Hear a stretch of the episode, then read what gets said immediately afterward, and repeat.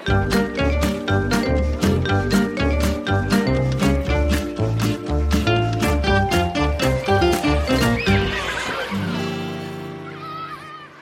som starter på skolen kan ha språklige utfordringer, fordi de kanskje trenger å lære mer norsk, eller de har andre språkvansker som kunne vært jobbet mer med i barnehagen. Bør det satses mer på gode, trygge språkmiljøer i barnehagen for å gi barna som trenger det, mer språkhjelp, og hvordan kan dette gjøres best mulig? Eller må barnehagebarnas språk kartlegges for å finne de som trenger hjelp, eller når er slike kartlegginger nødvendig?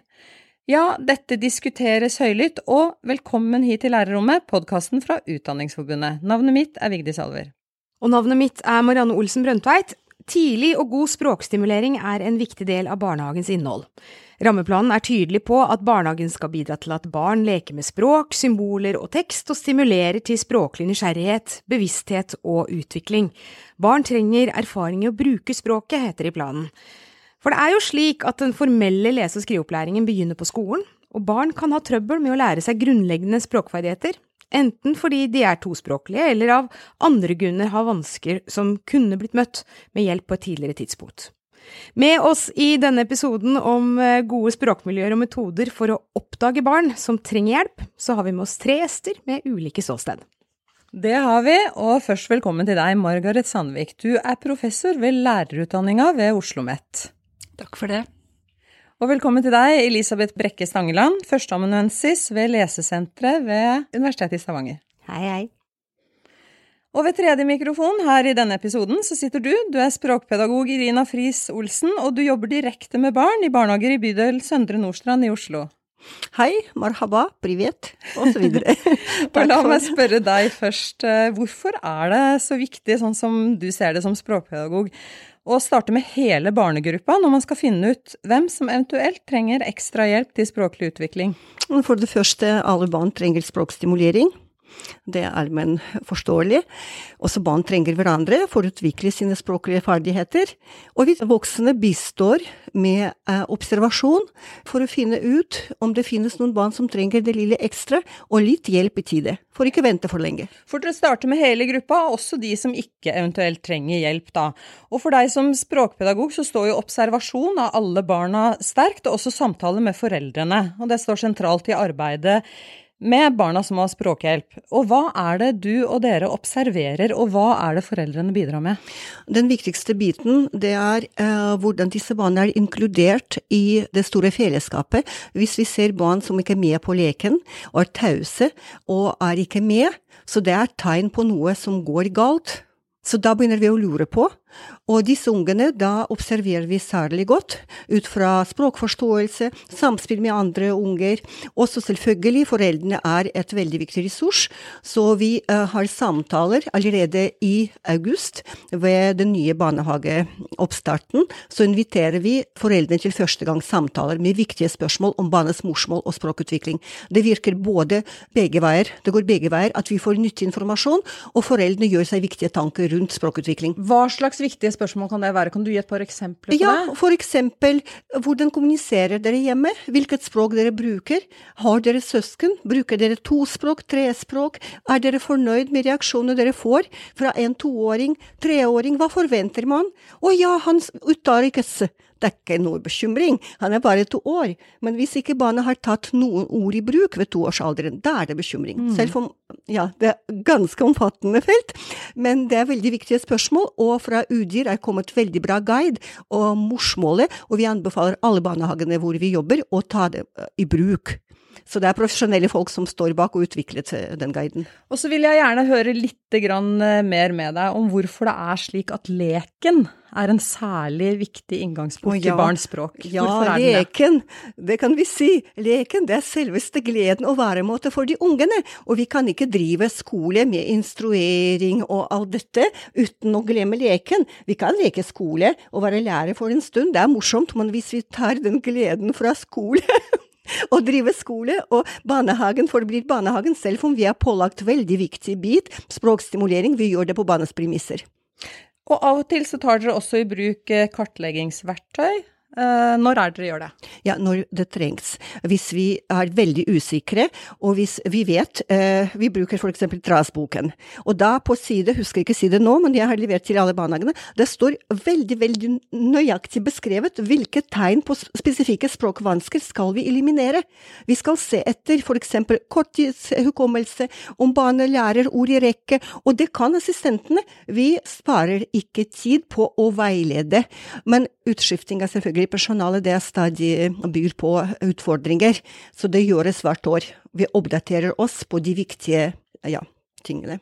Margaret Sandvik, eh, Friis Olsen her ga eksempler på hvordan det kan jobbes med språk og språkutvikling i barnehager. Hva kjennetegner generelt gode og trygge språkmiljøer i barnehager? Jeg er veldig enig i stort sett alt eh, Irina sa, og jeg syns jo det er viktig å se at alle barn får lekt, og at de er en del av leken. For barn som er utafor og ikke er med i gruppe, de lærer ikke verken sosial kompetanse eller språk. Men jeg vil si at den voksne som jobber i barnehagen, enten det er faglærte eller ikke faglærte, må også se enkeltbarnet og det behovet som enkeltbarnet har.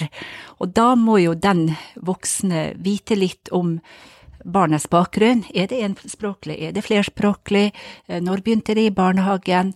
Og den må også vite noe om normal språkutvikling. Slik at man kan, uten å si at man skal ha en sånn normert tilnærming til alle barns språkutvikling og bruke den på absolutt alle barn, så er det viktig å se akkurat det enkeltbarnet. Begynte det i går? Hvor kom det fra? Hva erfaringer har det? Er det i stand til å kommunisere? Kommuniserer det verbalt? Ikke verbalt? Gjør det seg forstått ved hjelp av eh, gester og hele kroppen? I det hele tatt eh, ha et eh, overordna heva blikk, sånn at en ser mangfoldet i barnegruppa. Ja, for du nevner enkeltbarn her. altså Hvor faste mønstre er det i barns språkutvikling i disse aldrene her vi snakker om? Hvor likt eller ulik foregår språkutviklingen fra barn til barn? Det er jo helt faste mønstre for barns språkutvikling. Uh, altså Eh, både grammatisk og pragmatisk, og det er jo viktig å vite hva man kan forvente fra barn. La vi si du sa to år, Irina. Eh, hvis en toåring ikke sier veldig mye, er det grunn til bekymring. Ja, det skal i hvert fall begynne å melde seg en viss eh, et behov for å se litt nærmere på det barnet, selv om veldig mange toåringer er jo ulike, og noen snakker i vei som en foss, og andre har god forståelse, men lite produktivt språk. Så jeg vil jo si at det, det, å ha kunnskap om barns språkutvikling i grove trekk, når kan vi forvente ettårsytringer, toårsytringer, mer utbygde ytringer, når kan vi forvente at barn kan snakke om noe som er ikke til stede her og nå, altså bruke språket dekontekstualisert, og gjøre seg forstått uten såkalte nøkler til konteksten, som vi pleier å si det, ved å peke på det her og si dette så i det sånn. Så mener du i en kontekst, altså i en sammenheng, i en situasjon, er det ja, du mener der? Ja. ja. Men i denne debatten så snakkes det om kartlegginger for å avdekke språkproblemer hos barn. Um, med en systematisk kartlegging av alle barn, i hvilken grad vil det påvirke forventninger som da blir stilt likt til alle barn? Altså du snakker om grove fellestrekk, men også individuelle forskjeller. Ja, nå mener jo jeg at man ikke skal kartlegge alle barn, eh, så det er jo mitt standpunkt. Jeg syns ikke det er nødvendig. Eh, jeg tror på pedagogenes eh, blikk for barns språkutvikling.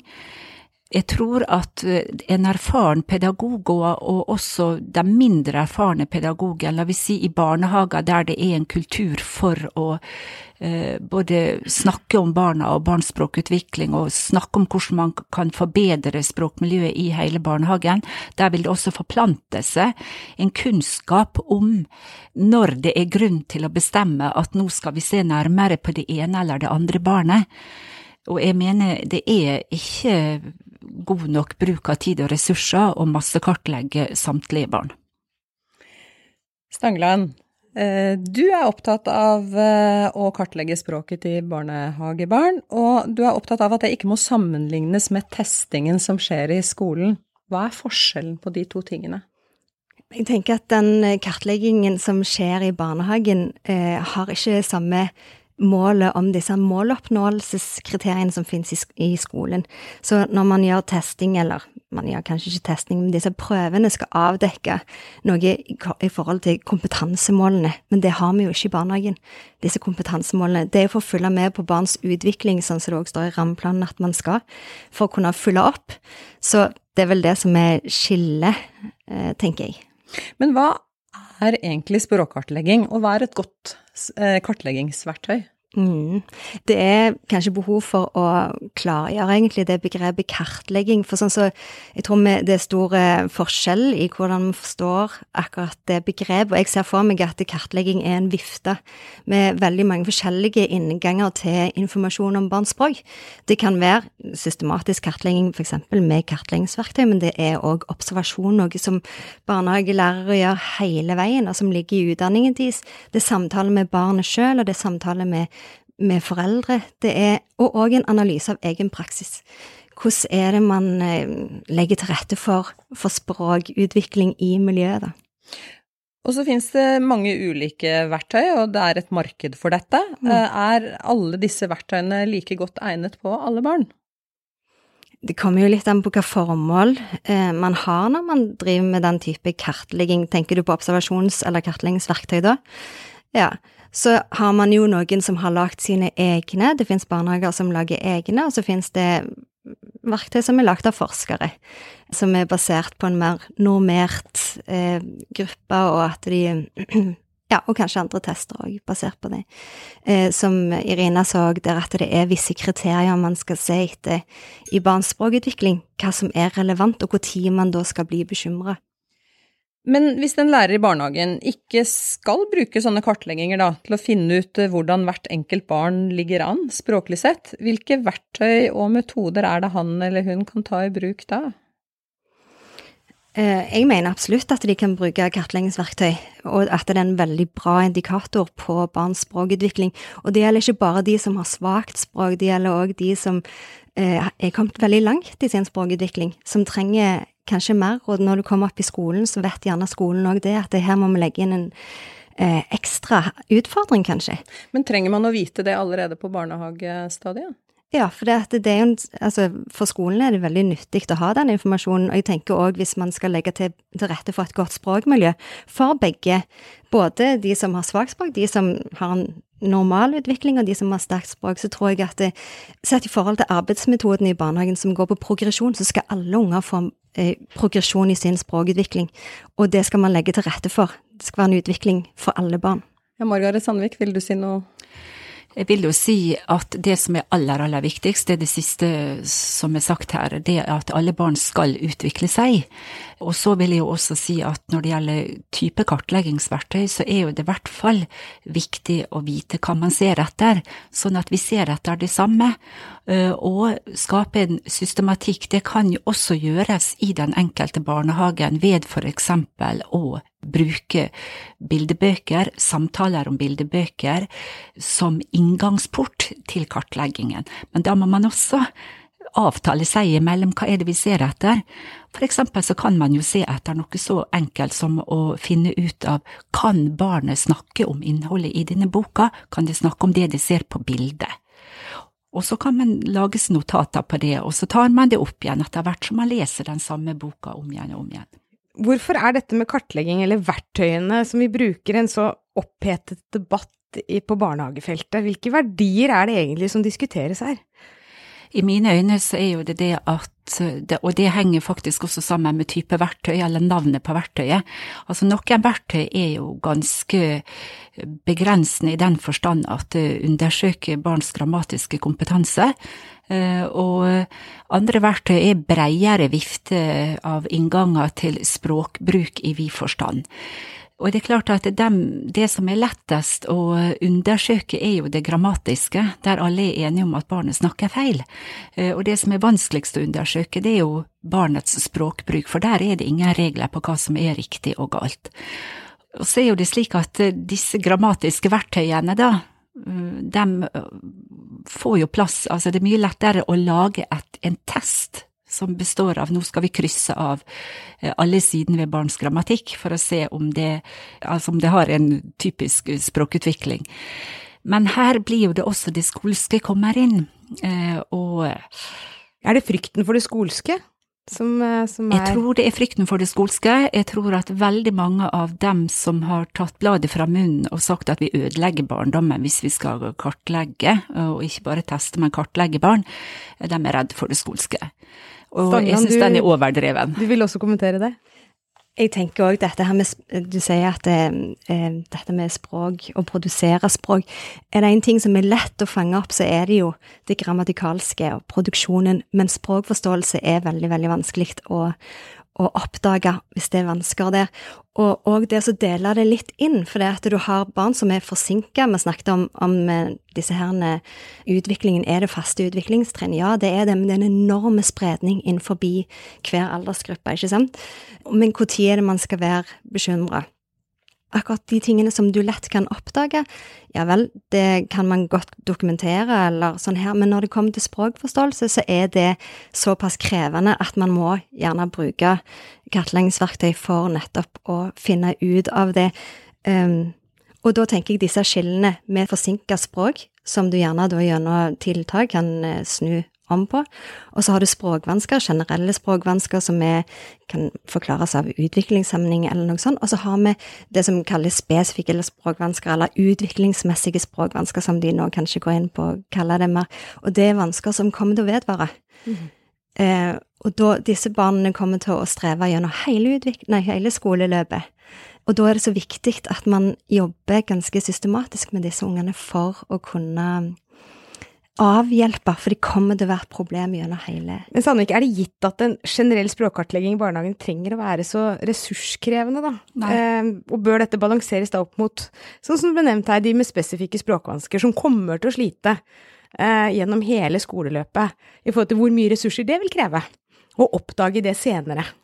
Altså, jeg tror ikke kartlegging trenger å være eh, ressurskrevende, jeg tror ikke man trenger å bruke verktøy engang. Jeg tror man trenger å skape seg en systematikk og vite hva man ser etter. Og det kan gjøres i veldig mange situasjoner, man kan gjøre det når man spiser. Man kan lage seg en eh, liste over at i dag skal jeg kartlegge eh, Per og Kari og Fatima og Ali, men jeg skal ikke prøve å ta alle på en gang, men jeg skal følge med på dem, og jeg skal følge med på dem over tid. Hvor mye har denne bevisstheten eller kunnskapen man henter inn noe å si for hvordan barnet selv føler seg, etter hvert som det blir eldre og mer bevisst på tilstrekkeligheten den har? Nei, jeg tror jo at barn vil jo oppdage eh, når man for eksempel sitter sammen med det og blar på side én på et eller annet kartleggingsverktøy, eller et standardisert språkstimuleringsmateriell som også har en innebygd kartlegging i seg. For barnet vil se om du krysser av, og barnet vil spørre hvorfor krysser du av. Det er jo en kanskje ikke så veldig hyggelig tilbakemelding å føle at man ikke strekker til. Ja, Stangeland, eh, når man snakker om sånne kartlegginger, så snakker man gjerne om det i samme kontekst som når man omtaler barn som oppdages for sent, og dermed får hjelp for sent. Men hva sier egentlig forskningen om hvor mange barn med språkvansker det er som blir oppdaget for sent? Ja, man har vel kanskje ikke tall på at akkurat der har vi en grense for hva som er for seint, men vi ser det gjerne i skolen, da, at det er eh, elever der som eh, burde kanskje fått hjelp tidligere, der foreldre gjerne har sagt at det, å, vi så det ganske tidlig, men det er kanskje ikke blitt gjort så mye, eller det er det er et utbredt problem at det kommer unger inn i skolen som har språkvansker som er blitt uoppdaget, og en sånn hjertesak for meg har jo vært det at det, dette med språkvansker fins egentlig ikke i, i skolen. Der er det snakk om lese-skrivevansker eller dysleksi. Og så er det litt manglende kunnskap om språkvansker. For det er ut av Ja. Nei, eh, det er jo, ja, som du sa, det er jo i møte med skolen at dette oppdages, men eh, skyldes ikke det også at skolen stiller helt andre krav enn det en barnehage gjør? Jo, eh, i forhold til faglighet så gjør det jo det. Men jeg har jo forska litt på dette her med språk i samhandling i barnehagen. Og der ser man jo at de ungene som har svake språklige ferdigheter, de faller ut forbi legen og samhandlingen med andre unger. Så det handler om et her og nå-perspektiv, at de skal trives, ha det bra være på den arenaen der potensialet for språkutvikling er aller størst, samtidig som at vi skal òg ha i bakhodet at dette her er noe som skal skje i framtiden òg. Altså det skal være til nytte for, for når de kommer i skolen òg. Ja, for er det sånn at du tenker at en tidlig avdekking av mangelfull språkutvikling kan dempe behovet f.eks. For, for spesialundervisning i skolen seinere, eller for en annen oppfølging? Ja, det kommer jo an på hva vansken til barnet er. Altså hvis det er en forsinka språkutvikling som kan bli en sånn Du kan få sånn snøballeffekt, som du sier, sant. Mm. At eh, et lite problem vokser seg større av at det ikke blir gjort noen ting med det. Så man kan avhjelpe vansker, og man kan forebygge vansker mm. i barnehagen. Men da er det tilbake til forskningen. Vi vet nå fra siste forskning at av å bare plassere ungene i barnehagen, så skjer ikke egentlig så stor forskjell. Så vi må inn med bevisste tiltak og inkludere ungene som henger etter i det store fellesskapet, og så sikre forståelse til enhver unge. Ingen skal sitte i samlingen uten å forstå hva som skjer ved siden av ham. Alle koser seg og ler. Og da, som Berit Basi, sier, i verste fall, ikke sant, eh, lærer ungen, eller i beste fall kanskje, lærer ingenting. Men i verste fall, da skjer medlæringen. Da har ungen lært at dette, det gøyale, det morsomme, det er ikke ment for meg. Da begynner det første skritt til å være utstøtt og ikke inkludert. Så jeg jobber med tospråklige barn, og det som du sier, Elisabeth, det er veldig viktig at tospråklighet og forsinkelse på en måte av den grunn ikke overdekker språklige vansker som er av en annen grunn. Vi venter tålmodig, selvfølgelig seks-åtte måneder til barnet begynner å ta i bruk det verbale språket, men vi venter ikke med å bruke TPR-metode, total physical response, og så sjekke barnets forståelse undervise og veilede foreldrene og sjekke hørsel og så videre. Sandvik, er det et eh, problem at noen barnehager i dag jobber veldig systematisk med språket allerede, mens andre barnehager både mangler den faglærte kompetansen og de ambisjonene på det, på det feltet? Ja, jeg syns jo det er problematisk. Jeg syns jo at alle barnehager skal ha en høy standard for et godt språkmiljø, og også ha en høy standard for hvordan man kan jobbe med alle barn sitt språk, også flerspråklige barn. Eh, jeg ville jo også veldig gjerne at barnehagefolk skal kunne noe om kartlegging, eh, og også kunne noe om hva man ser etter. Og det er veldig, veldig ofte at kartleggingsverktøy um, kanskje ikke er la vi si pålitelige, da, i den forstand at her tror man at man faktisk tester språkforståelse eller undersøker språkforståelse, og så gjør man egentlig ikke det, fordi man ser på hva er det barnet er i stand til å produsere. Så det er enkelte sånne grunnleggende innsikter i hva er det å kartlegge, eller hva er det å teste, som jeg skulle ønske alle som jobber i barnehagen visste noe om.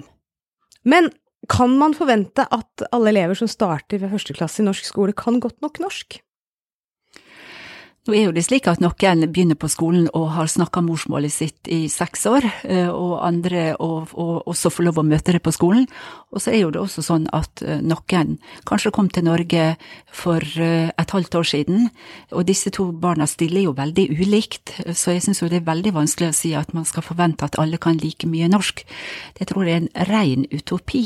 Og jeg tror at der må lærerne i skolen ta opp ballen, og så får de jobbe videre med å skape gode forutsetninger forutsetninger for at alle får lært norsk, i og med at det er norsk vi snakker om nå.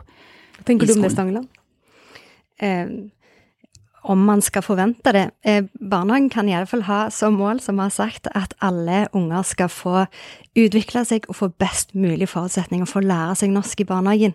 Og så kan eh, hjemmemiljøet ta seg av det som går på morsmålet, og så har barnehagen ansvar for den norskspråklige læringen. Med dette så avslutter vi denne episoden, og vi håper at den kan gi eh, innspill videre inn i en språkdiskusjon som angår eh, barnehagen. Og vi takker gjestene våre Irina Friis Olsen fra Oslo kommune, og Margaret Sandvik fra Oslo OsloMet, og Elisabeth Brekke Stangeland fra Universitetet i Stavanger for at dere kom hit til lærerrommet. Så håper vi at du abonnerer på Lærerrommet og deler podkasten med andre som har nytte av den, og husk at du kan lytte på alle episodene våre i din podkastkanal. Vigdis og jeg takker for oss ifra denne episoden. Ha det bra! Det gjør vi, Marianne. Vi sier ha det!